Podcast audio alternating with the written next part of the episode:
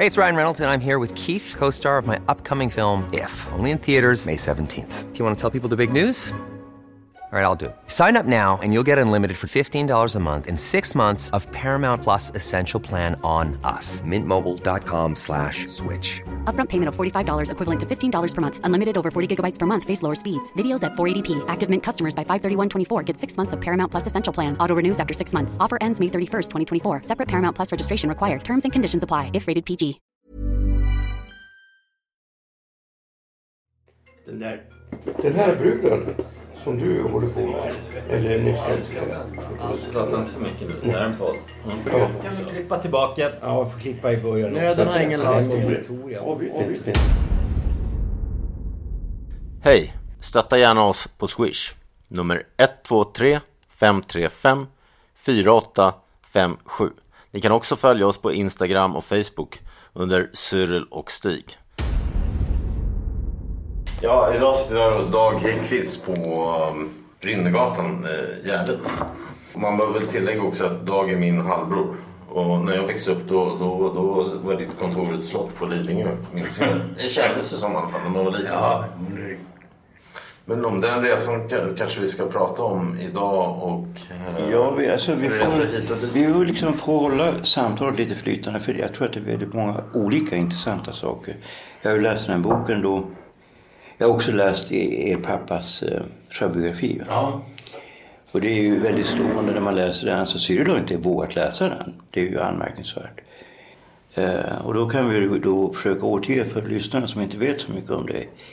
Eh, då kan då du Cyril göra det. Om jag ska resumera snabbt så, så är det väl att Dag bildade Sonett när han var alltså Sveriges största skivbolag genom tiderna. Som 15-åring var det väl bara? 16 ja år. det, är- det är inte Eller riktigt. 16 år. Det ja. är inte riktigt Eller du gick ihop med några egna. Ja, jag- men ni var 15 och du var till och med med, med Beatles i Hamburg. Och du eh, och med Sonett i, i, förutom att ni tog 30% av marknaden i Sverige så, så distribuerade ni sådana som YouTube, Bob Marley, Depeche Mode. Ja, ja. Signade väl till, till och med genom er engelska filial och, Ja. och Det- Six Pistols och alla möjliga. Och sen, sen, sen du, du tänker väl mer på dina jazz, jag vet att du brinner för jazzmusik.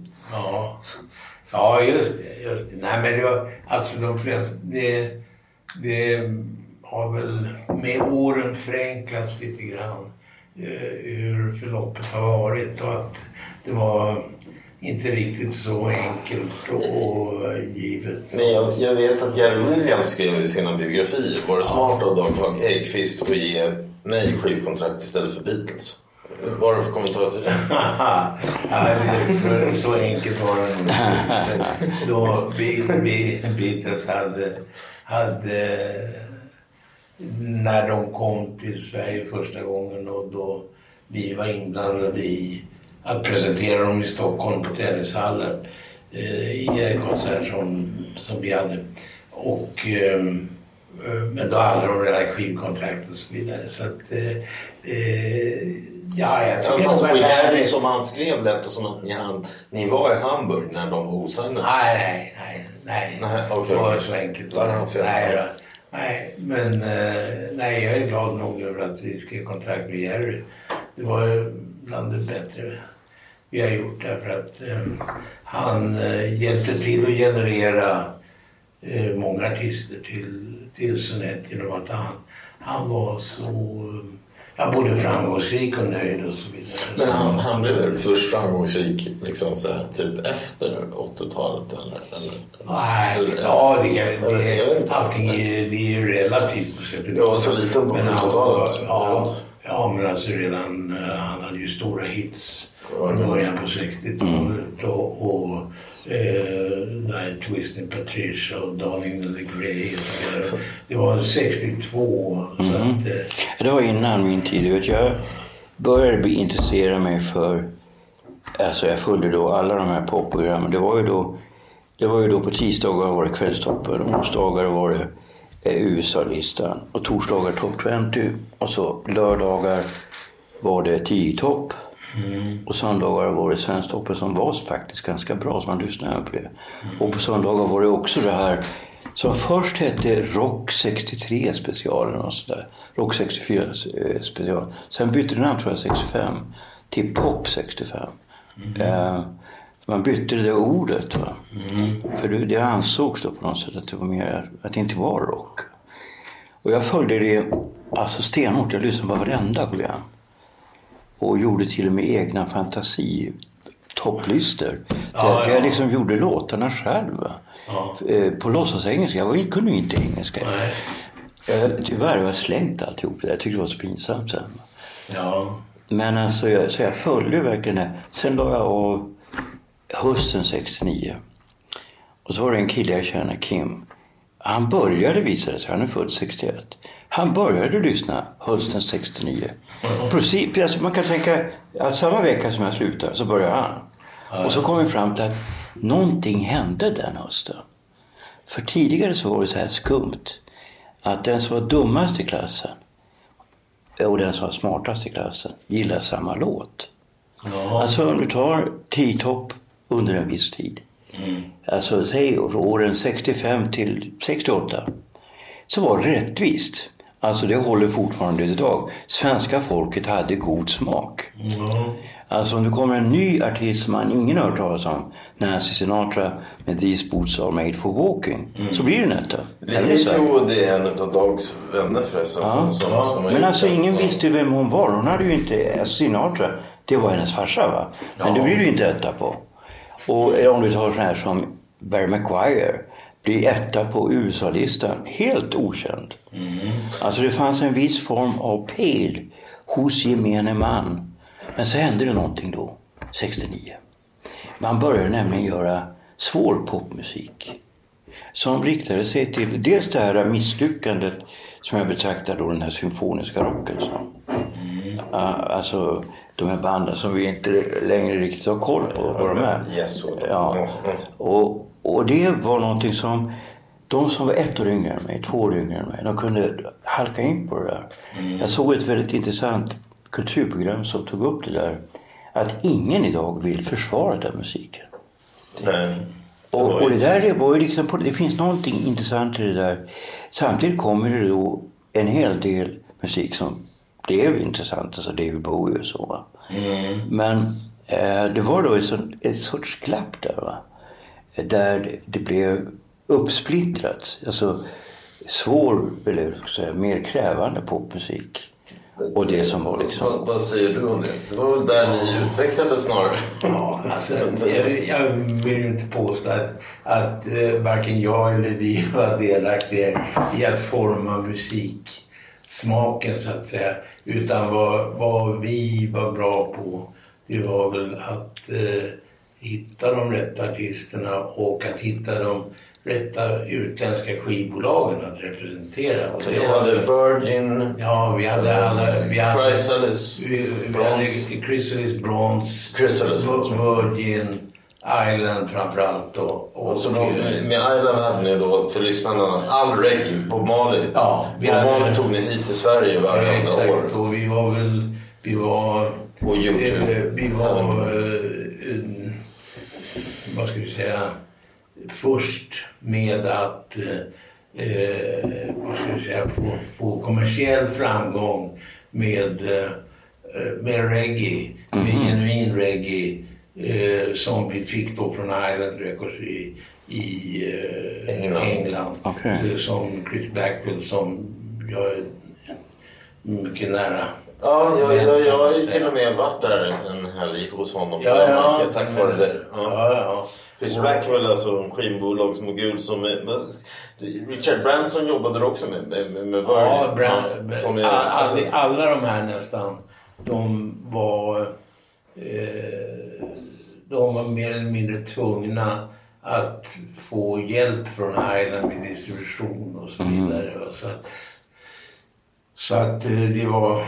Man kan säga att, att alla, alla artister hade som ett huvudförlag ungefär. Va? Ja, Eh, som s- oftast då var amerikanskt eller engelskt.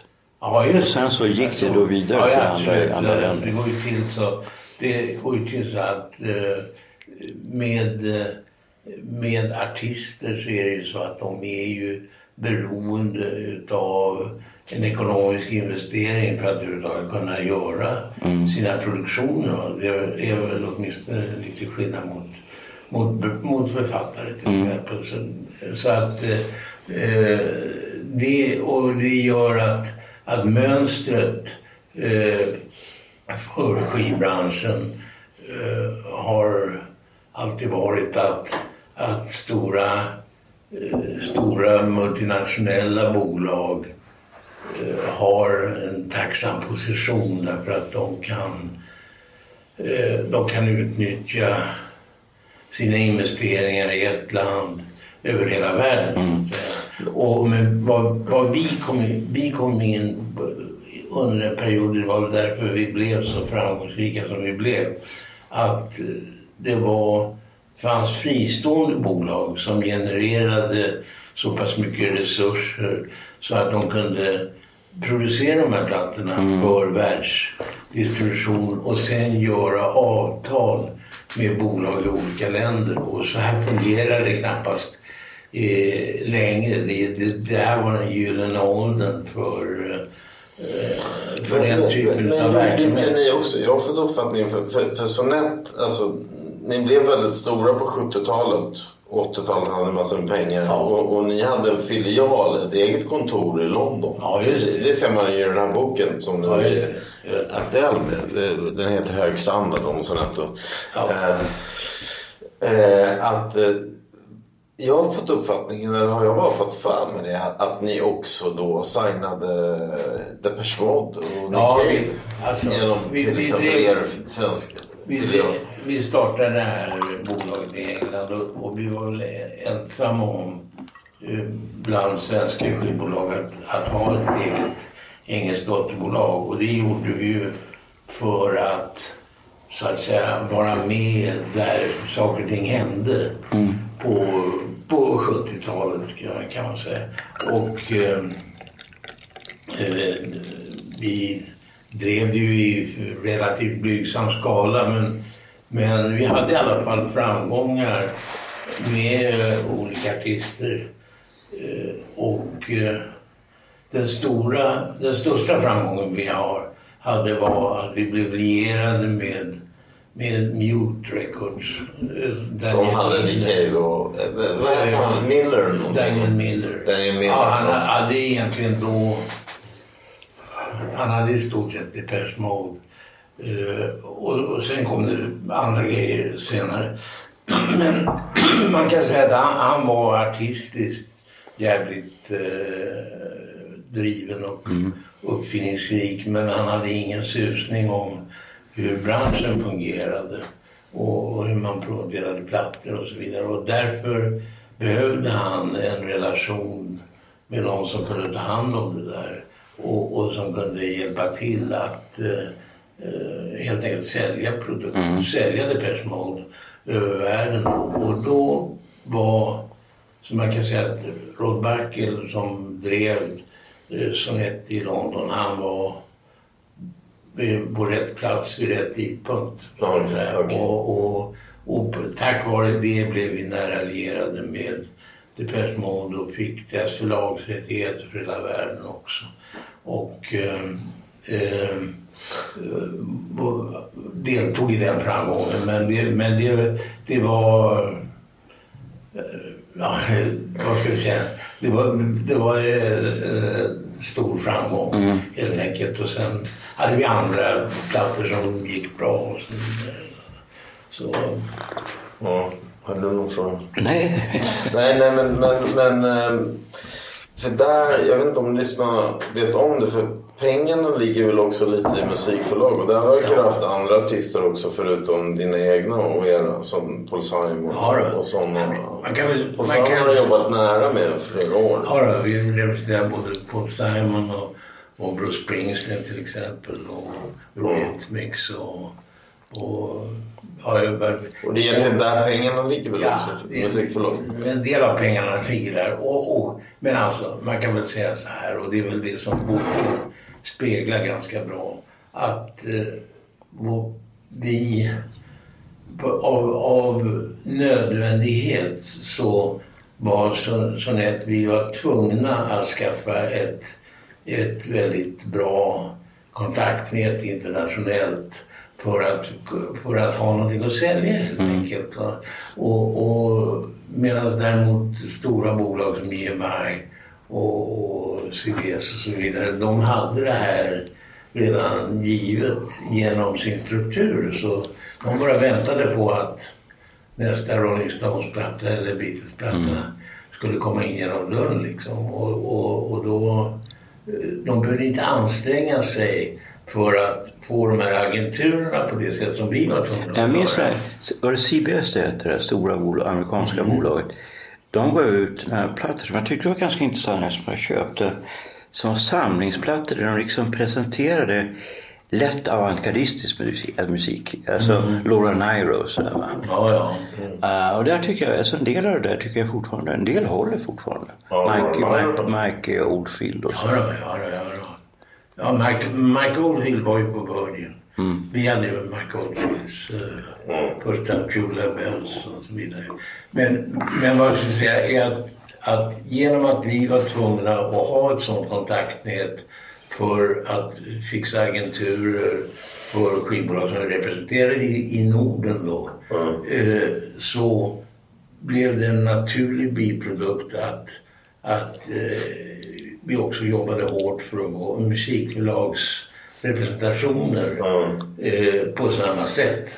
Så att säga, som inte nödvändigtvis var de samma som de skivagenturerna vi hade. Fast vi hade ju väldigt mycket eh, utav de här skivbolagens musikförlag också. Eh, med Bob Marley och så vidare. Men, men, men alltså genom, och det är det som boken skildrar det på ett sätt som inte eh, gärna några utanför, utanför den inre branschkretsen i Sverige kan ha mycket uppfattning om för de, har, de är inte insatta i hur, hur affärsmekaniken Nej, precis. fungerar. Och, och det, det, det, det, tycker jag är jättekul att den här att boken skildrar liksom de, de, den unika situation som vi hade och under alla de här åren och som gav oss möjligheter att ge oss in i filmbranschen och konstbranschen och så vidare. Som... eh, Ja, för det hade också, ni, ni gav ju också i, i sonettfilm. Hade, du någonting, hade det någonting med vår pappa att göra? För att ni gjorde mycket fransk film och spansk film och sånt. Nej. Vad- Ja, hade jag för mig att ni tog in mycket? Eh, Ja, ja, det, det var vi- alltså det, det som eh, var vår specialitet eh, i början av... ja, det- det- Dels hade vi den här Harder They Come som Ja, det var ju hade en Percy Hansen. Percy Hansen, ja. Hon var intervjuad på. Jag minns, jag, jag såg den filmen när den kom. Mm.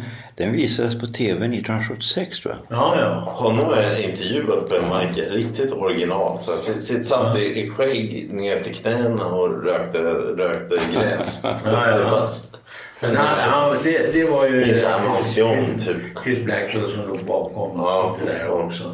Men det, det, måste, det, men det, det måste du berätta för det är ju sånt som podd. Liksom, liksom alla dina legender du har träffat. Och då betar vi av först Bob Marley. Ja. ja. Ni tog hit honom fem år i rad varje sommar. Hur var han som person och, ja. och sånt? Det var, det var, nej, det var inte, det var faktiskt inte vi som tog hit honom. Vi tog hit filmen, tog vi hit och fixade distributionen. Men det var med Jimmy Cliff. Och, och det, det var Jimmy Cliff, men det var, var ju föregångare till Mali kan man säga. Och sen, sen med Mali så vi ordnade inte turnéerna själva. Det här, det här skiljer också ganska bra vårt samarbete med, med EMA, med Thomas Johansson. Han säger ju i, i, eh, i boken att utan, utan Sonett så hade inte EMA funnits. Ja. Eh, Men då, då var det ni som ändå tog hit. Du ska inte vara så Ja, ödmjuk. Men hur, hur, hur, var Malin som person och, sånt? Nej, jag kan inte påstå att jag hade mycket och Jag var och besökte honom på när de lagade mat på Gasel och så vidare. Och, och, och, Så på Malin så var laga mat? Ja, de hade ju med sig egna kockar för att de skulle få rätt mat Ja, ja. och så vidare. så att eh, jag var, var ju där. Jag, det råkar vara så att Chris Blackwell kom till Stockholm den helgen, eller den dagen när, där eh, Bob Marley slog publikrekord på Gröna Lund. Och eh, eh, det, det är enda gången, fram till dess i alla fall, som de stängde, stängde grindarna för de vågade inte ta in fler. Nej, men det var jag med på. Det var 78. Ja, ja visst. Det var ju en 40 000 jättegrej. någonting. Ja. Och då, då, det var rätt kul för att jag... eh, Min mamma bodde ju på Djurgården då och därför hade jag sån här kort så att jag kunde köra, köra ut på Djurgården. Så jag hade Chris, Chris Blackwell med i bilen och så, så det visade bara kortet och så körde jag eh, det, eh, ut där. Men eh, nej men det, så det, det var ju, var ju kul. Men jag kan inte påstå att jag hade vad ska vi säga, alla de här artisterna så hade jag väl eh, oftast relativt ytliga, kontakt, ytliga kontakter med dem. Det var med Jonas Holst och sådana där som fick Ja, naturligtvis de som var ute och, och träffade med journalister och allting. Och jag höll mig ju rätt utanför den grejen för att jag hade inte tid helt enkelt. Och, och, men däremot så var vi naturligtvis ute och åt, och åt middagar och sådär. Så att jag fick ju lite, lite kontakt med, med, eh, med, med de här. Men, men just från Mali tror jag eh, Nej, det var, det var ganska... ganska då? Youtube betydligt mer.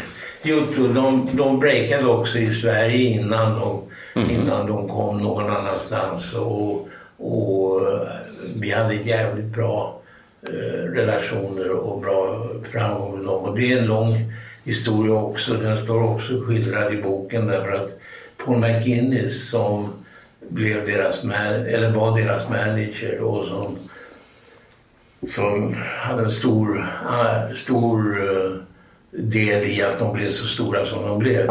Han hade tidigare haft en grupp som hette SPAD som irländsk grupp, mer så här pub.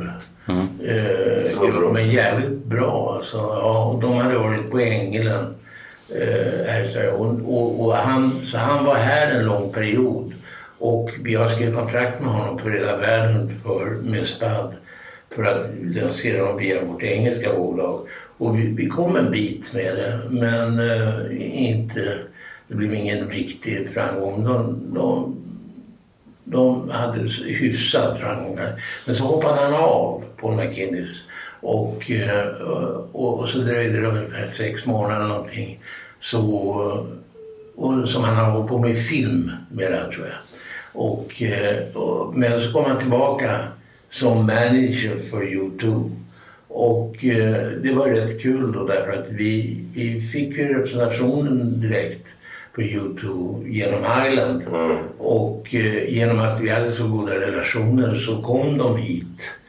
Och, och Vad var det för år det här? Vad var det, vad var det här för Tidigt- år? Tidigt 80-tal. måste jag- Ja, jag kommer inte ihåg någonting med år, årtal, men århundradena kommer jag ihåg. Ti- Tidigt 80-tal. Ja, det var ju då det var som mest Nej, tidigt, det är nog sent 70-tal. till. Ja, sen Ja, 70-tal. det är Ja, och, eh, och, och det, det, så att vi kom igång jävligt snabbt med, med, eh, med Youtube och blev goda vänner med Bono och så vidare. Och, och, och eh, eh, ja, nej, det, det var jättebra. Och det, och det var rätt kul därför att den här Paul McInnes var ju eh, jävligt eh, tuff i att lansera eh, Youtube över hela världen. Och, och, och vi var väldigt nära de som jobbade på Island. Och de berättade att, att eh, han klagade alltid över alla så att säga med undantag för Skandinavien. Där var det liksom fridlyst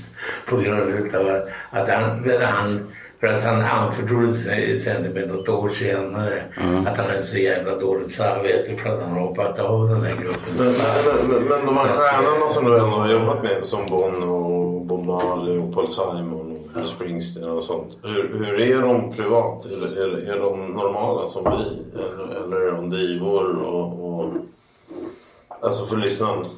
Eh, Jag har ju mött en del utav dem. Så, så jag vet ju. Nej, men de, de flesta är väl, eh, de flesta är väl väldigt, eh, eh, väldigt normala ska jag säga. Mm.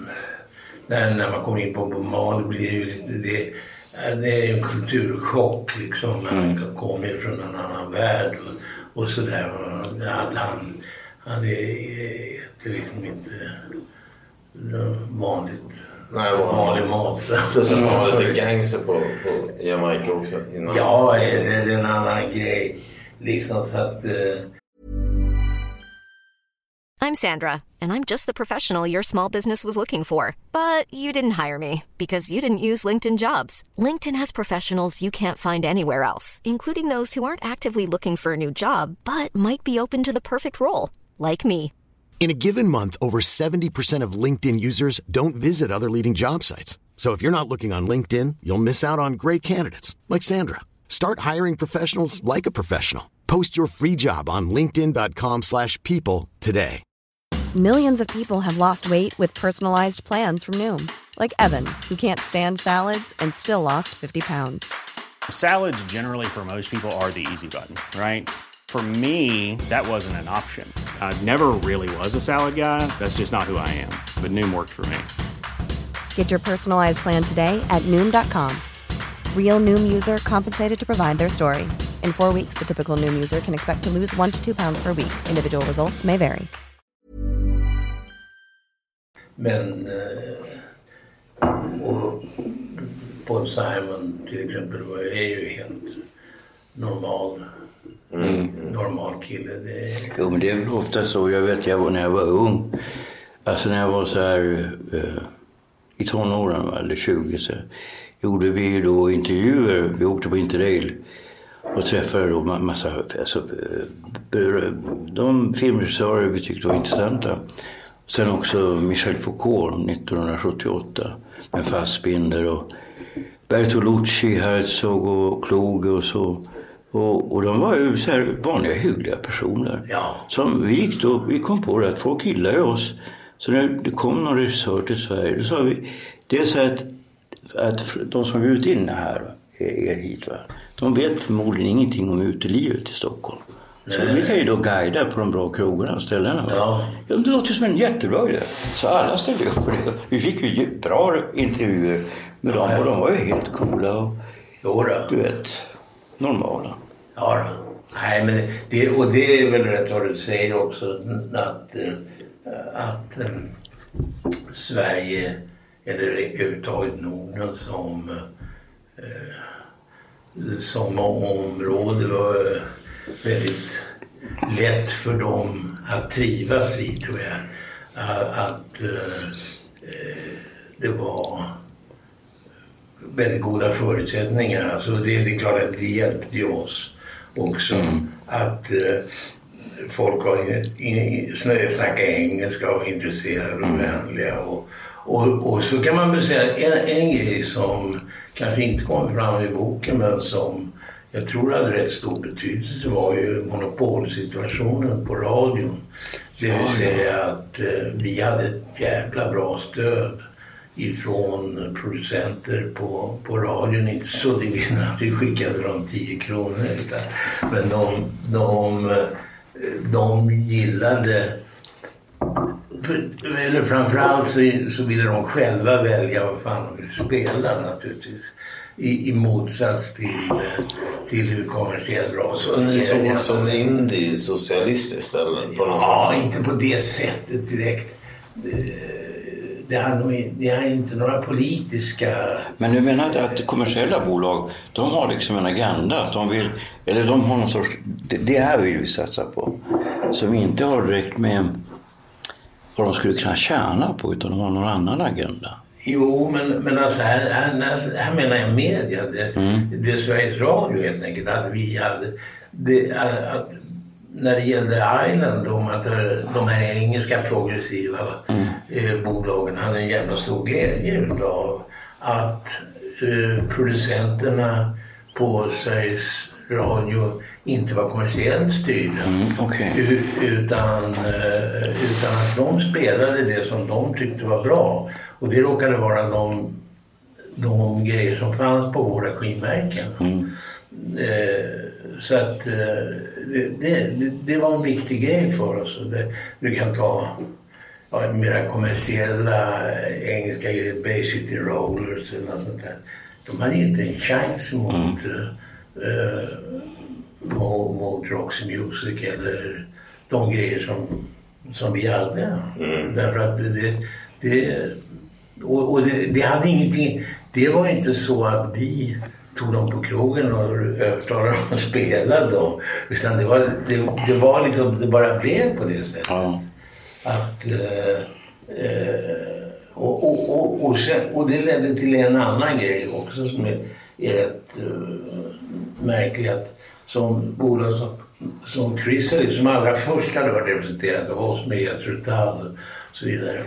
De, när de blev större så gick de till EMI och eh, eh, alltså ett sånt där stort multinationellt bolag för sin distribution i Skandinavien. Det dröjde bara några år så kom de tillbaka till oss. Och, och då, då, då var det liksom att, att de, hade, de hade själva kommit fram till att, att fan, någon förutsättning att vi representerar oss rätt? För det är bara de som vet hur man ska hantera de här grejerna i, i Skandinavien. Men, men sen hamnade, det handlade väl en del om tiden för det vet jag att du och jag satt och, och, satt och snackade. För, för jag, ja, Stig, har du lyssnat på Nick Drake? Har du hört om Vem? Nick Drake? Singer-songwriter. Nick Cave? Nej, Nick Drake. Ja, nej. Ja, han som, som är singer-songwriter med, med akustisk gitarr som är skitbra.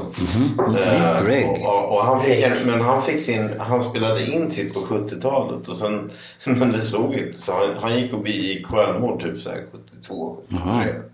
Men, men det slog inte någonstans. Sen slog det igenom med dunder och brak typ så här efter en Volkswagen-reklam 98 typ, eller någonting. Men, men, men, men där så är du också. Ni, ni hörde ju hans grejer redan då. Ni tyckte det var skitbra. Men ni fattar inte varför det inte slog. Nej. Chris Blackwells teori var i och för sig, när- jag träffade Chris där, när jag var på Jamaica. Det var att Cat Stevens stal ramphuset. Men, men, Ja, ja, ja, och han var ju inte så, han var inte så fascinerad av Cat Stevens. Men, men, men å andra sidan, Stevens sålde en helvetes massa skit. Det var han som sen blev muslim va? Ja, ja, just det. Just det, just det. Ja, men Nick Drake menar jag. Men, men, det Ja, säga ja. Nick Drake. Ja, ja. Att, att här har vi en artist som är helt suverän när det kommer. Men tiden fattar inte. Att, Nej, att, det- att det så liksom- är det, så är det ju. Nej, men alltså, jag, jag kom plötsligt bara att tänka på en sak. Det är en låt med Bob Marley som plötsligt blev väldigt populär för ungefär sju år sedan, åtta år sedan. Ehm, och det är väldigt konstigt därför den kom, den kom ju ut 1980. Han dog väl 80 någonstans. Ja, ja. Och det är den här... Det, det, det, jag kan inte Could this be love? Could it be love? Ja, just det. Alltså, det är bra rytmkänsla. Alltså grejen med den är att jag, jag tyckte det är så jävla märkligt. Det var en förskjutning på, säg att det handlade om nästan 30 år. Ja, Innan den plötsligt blev en hit va. ja, Eh, Och då kan man fråga sig, vad fan handlar det om? ja. Ja, ja. ja det... Nej det... Men det är mycket som är tur och slump och så vidare. Ja, det kanske är det. Ja, Alltså, det man står utanför det hela va. Så har man ju inte, så hajar man ju inte någonting om det. Och, och det och är också en speciell typ av kompetens i att bedöma vad det är som dels är bra och dels det som kan generera pengar. Va? ja. Det kräver en viss form av, som man kallar för näsa.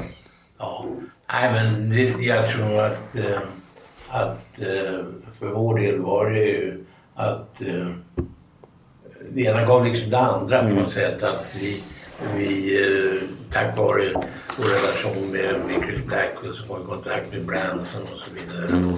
Och, och, och, och skapade ett nät utav folk som, som helt enkelt trodde på Men de artister ni, ni, ni signade själva tänkte ni då? För ni hade ju också mycket skit, Lill och Susie och så här liksom.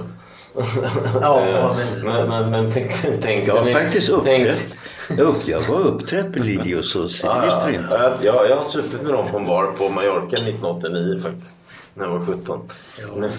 men, eh, Jo men alltså det, det var väl det men, men, men, men det- tänkte det- ni pengar eller tänkte ni kvalitet? Eller båda delarna? Nej, båda delarna absolut. Alltså, därför det är inte så jävla enkelt som att... att men, men alltså... Eh, jag vet inte, det, det finns ju mycket värre exempel än Susie. Men ni hade Samantha på- Fox också. På grejer. Eller Peter Holm, Monja till exempel, som, var, som sålde 150 000. Ja, det är det Monja. Ja, det, där, kan, där kan man snacka om det. Och möjligen Richard Kleideman, Ballad på Radlin, sålde 300 000 album. Ah, men Monja är- har ju ändå någonting va? Ja, jo, jo, jo. Men, det, Alltså, jo, men att det ska ha någonting. Det är ju något som har eh, som eh, vad ska jag säga, Ola Håkansson eller Alexander Bard. Mm. Det, det är de till. Men du, jag undrar om inte jag såg deras första konsert. För det här måste ha varit 1978 för att jag, jag och Lasse var på Gärdet. Och vi skulle gå hem till honom för att vi skulle se VM-finalen. Det är samma dag som VM-finalen. Och det måste ju då ha varit, för jag hade aldrig hört talas om någon då. Och det här var så tidigt som 78. Och då så gick vi förbi några som stod där, tre personer tror jag, och hade jättekonstiga kläder liksom. Det var ju helt out liksom. Men det var någonting som jag tyckte var, eh, det hade någon typ av kvalitet för att jag gillar inte den typen av musik med. Nej. Och då tänkte jag, fan det här måste jag lyssna på. Så jag stod där kanske i 10-15 minuter och hörde. och tyckte det här var märkvärdigt. Och det var ju den här Dominika och vad hon heter. Var- Ja, det var Army of Lovers. Ja, det var Army of Lovers. Nej men Alexander alltså, 78 började inte det där förrän typ 85. Nej men alltså 86. det här var 70 78 fan. Det måste vara 78 eller kan det ha varit 82? Ja, Är det 86? Alltså, jag tror nog att han faktiskt började på 80-talet. Aj, Nog i kortbyxor.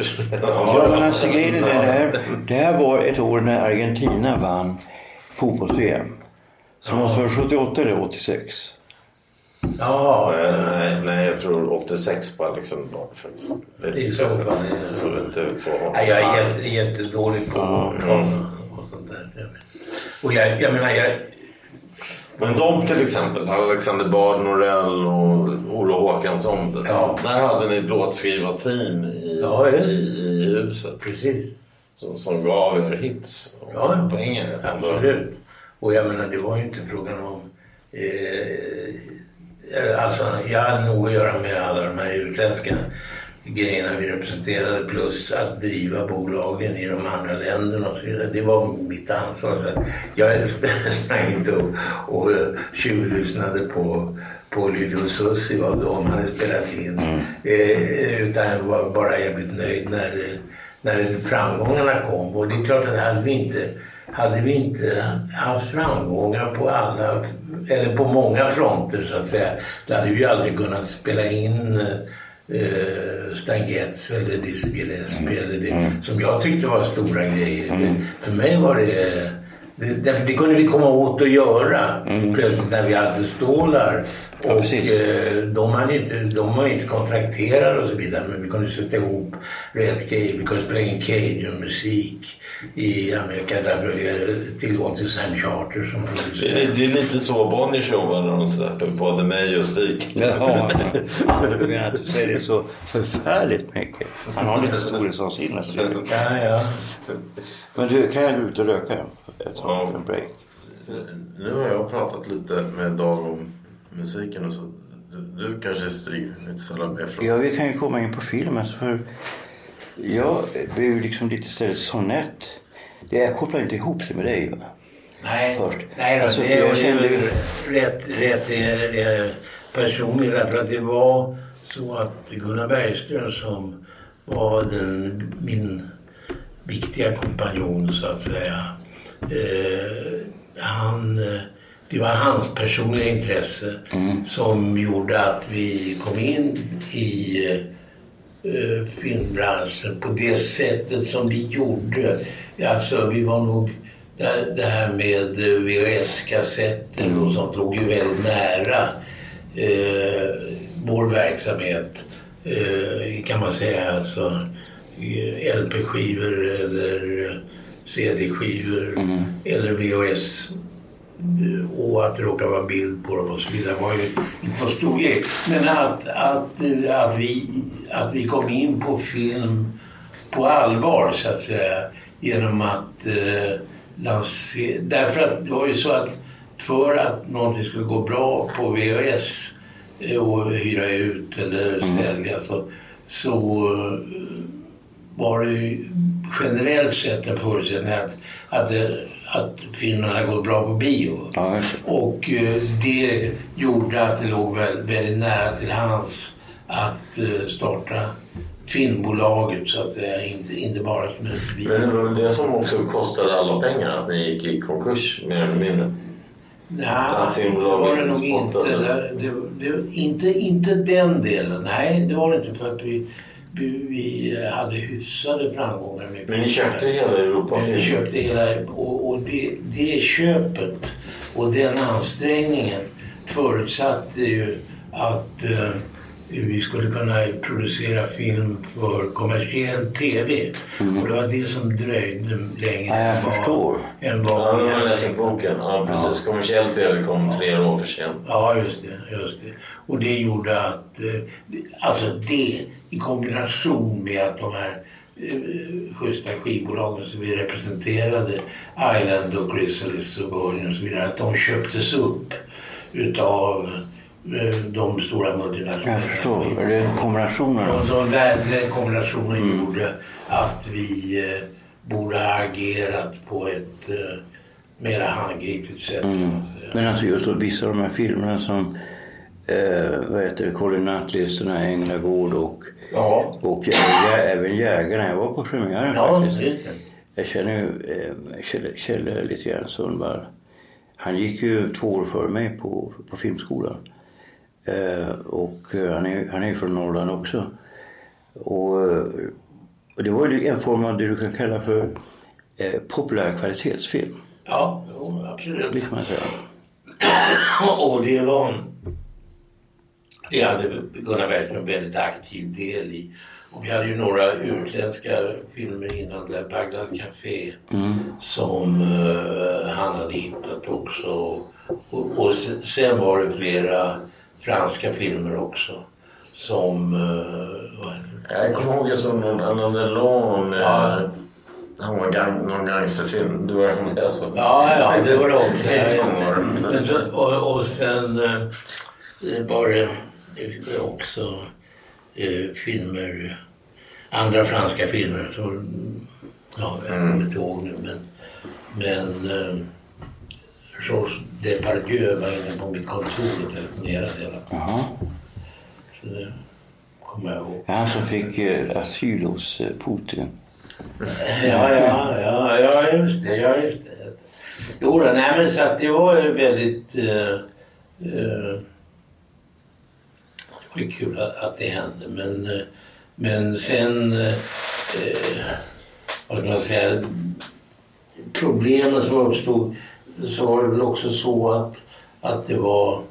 Det här var ett familjeföretag som hade börjat eh, från ingenting så att säga. Och, eh, och som sen blev ganska stort och eh, att vi hade samma problem som många företag har. Men hade du med Ingmar Eivert att göra då? För han var på Europafilm. Ingmar Eive. Ja, nej, det kan jag inte komma ihåg. En äldre man. Han var ju då... Alltså jag hade en del med honom. Jag gillade honom för han var liksom... Han var en hel... Han gjorde så här Jönssonligan och sånt där va. Ja, ja, ja, jo, jag känner igen namnet. Men han var liksom så här hygglig person va. Ja. Som man inte kände skulle blåsa en va. För Nej. väldigt många av de här producenterna var ju gangsters. Ja, jo. Alltså de var ju ute då för att tjäna, alltså på den här, det som kallas för overhead. Alltså man, man kräver, man säger filmen kommer att kosta sig och så. Och så ger man en helt annan budget till regissören. För man måste ha människor, man måste driva företaget också. Ja, det ja. fattar jag också. Men den där overheaden, hur mycket den är på, det är svårt att kontrollera. Och på det sättet kunde man se att de här producenterna, de var ju jätterika. Och alla regissörer var jättefattiga. Ja, kanske. Ja, ja, ja. Ja, men, men Sigge, är det något du vill fråga om vår pappa? eller- Ja, alltså jag tyckte ju då när jag läste den här boken att det var så anmärkningsvärt att han han, han, eh, jag känner ju ändå, vi har varit så nära vänner nu de senaste åren. Att det är mycket som påminner då om Cyril. Just det här med att intressera sig för grejer. Alltså du vet, göra intervjuer. Eh, och han, i, i pappas fall va, eh, Arne Häggkvist så har du ju liksom Picasso, det var Hemingway, det var den typen av... Ja, det, men men eh, Cyril har gjort då inom andra områden, alltså rockmusik och sådär. Mm. Eh, och det krävs ju en viss form av dristighet för det va. Mm. Jo, då, nej, men jag, jag har, har väl... eh, Det, det är lite kul att eh, Håkan Lager genom att ha läst Arnes bok och, och sådär och genom den bakgrunden han har så har, har han ju liksom tagit det på allvar på ett, på ett sätt som eh, jag, jag, menar, jag, jag, jag tycker nu när, när det så, så att säga finns redovisat i boken att det stämmer ganska bra. Och eh, jag, att, eh, jag har väl eh, eh, hela tiden eh, tyckt att han har varit en väldigt stimulerande påverkan i, i olika sammanhang. Inte minst genom, genom internationaliseringen utav det jag hållit på med och sådär. Var, ju- var, var, vi var i Paris första gången 1949 tror jag. Tillsammans. Jag menar, så att det, det Ja, det är, har vi, alltså, vi, vår pappa var ju liksom, jag var ju bara 14 år när, när han dog. Ja. Eller fem, 14-15. Så, Ja. så för mig, jag har inte varit med om det på samma sätt. Men han tog det till Andy Warhol och sådär va. Jo, Ja, ja, ja, ja. Jag ska inte klaga. Ja, nej just det. Nej då, nej, men han, han var ju väldigt, väldigt framåt och, eh, och, och så tror jag det är också en grej som, eh, som finns eh, skildrad här i boken och det är den här poeten eh, Guy, Louis Manot? GLM, som, som hade ett eget förlag och, och, men var poet själv också. Men också förlade andras. Det var små böcker, mängder av sådana här små, små böcker som han, eh, som han, han gav ut. Och han stod och tryckte dem här själv på en bakgård i Paris. Och, och, och det, det tyckte jag var jävligt fascinerande. Jag, jag tänker liksom, jag Ja, absolut. Ja. Alltså, att Arne hade ju gett ut böcker tidigare och, och sådär. Och de här konstmapparna och, och så vidare. Så att det var ju ingenting som var, eh, låg så långt borta. Så att det, det, det var absolut en, klar inspiration. Och, och sen att det där, träffa de här kreativa människorna. Och Dalí och, och så vidare. Att Ja, det på var- den tiden, alltså du säger så här. Ja, han fick träffa Warren, men, men alltså som de, mina syskon, de har ju fått träffa Jean Genet, Hemingway, Dalí. Ja. Alltså, Jag Picasso. träffade, annan. träffade ju aldrig Picasso. Jag träffade hans sekreterare Savates. Men jag träffade Tristan Sarah. Ah. Och, och jag Tills Elliot var där också, Gubbängen. Ja, det var jag.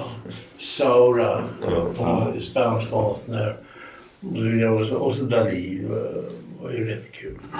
Eh, och, och, och så vidare. Så att, eh, nej då. Ja, absolut, alltså det... det Nej, för jag tror att det handlar, det handlar väldigt mycket om när man är som barn. Hur man ser på vad man kan göra. Ja. Och, och det, det är så, jag är ju inte alls någon sån. Jag kommer liksom från en helt annan bakgrund.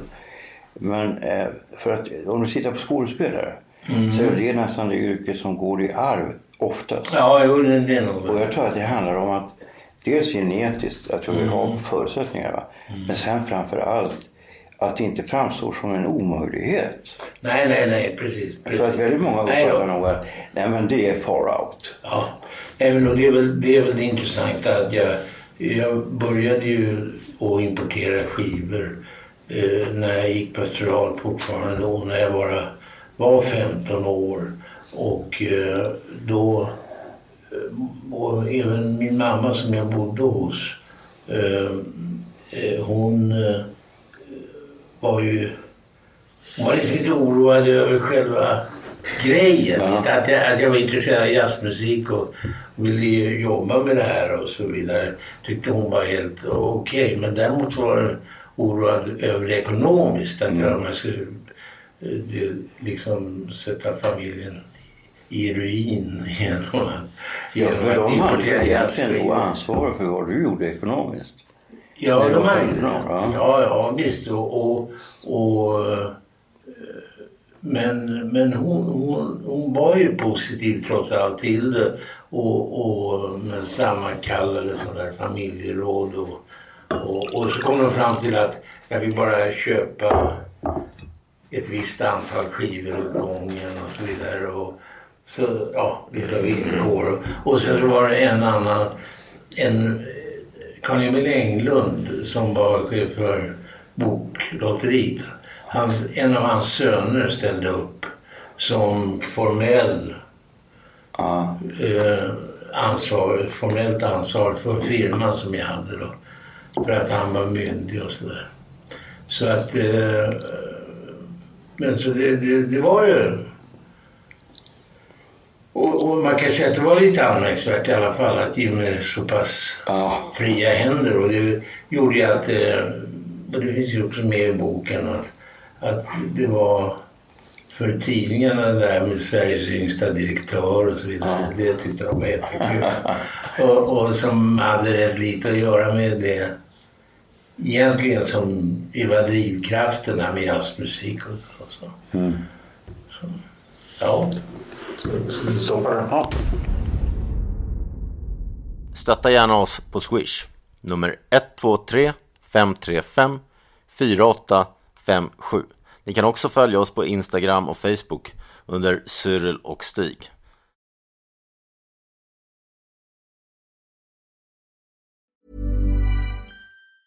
Even on a budget, quality is non-negotiable. That's why Quince is the place to score high-end essentials at 50 to 80% less than similar brands. Get your hands on buttery soft cashmere sweaters from just 60 bucks, Italian leather jackets, and so much more. And the best part about Quince, they exclusively partner with factories committed to safe, ethical and responsible manufacturing. Elevate your style without the elevated price tag with Quince. Go to quince.com/upgrade for free shipping and 365-day returns. Even when we're on a budget, we still deserve nice things. Quince is a place to scoop up stunning high-end goods for 50 to 80% less than similar brands. They have buttery soft cashmere sweaters starting at $50 luxurious Italian leather bags, and so much more. Plus, Quince only works with factories that use safe, ethical, and responsible manufacturing. Get the high-end goods you'll love without the high price tag with Quince. Go to quince.com/style for free shipping and 365-day returns.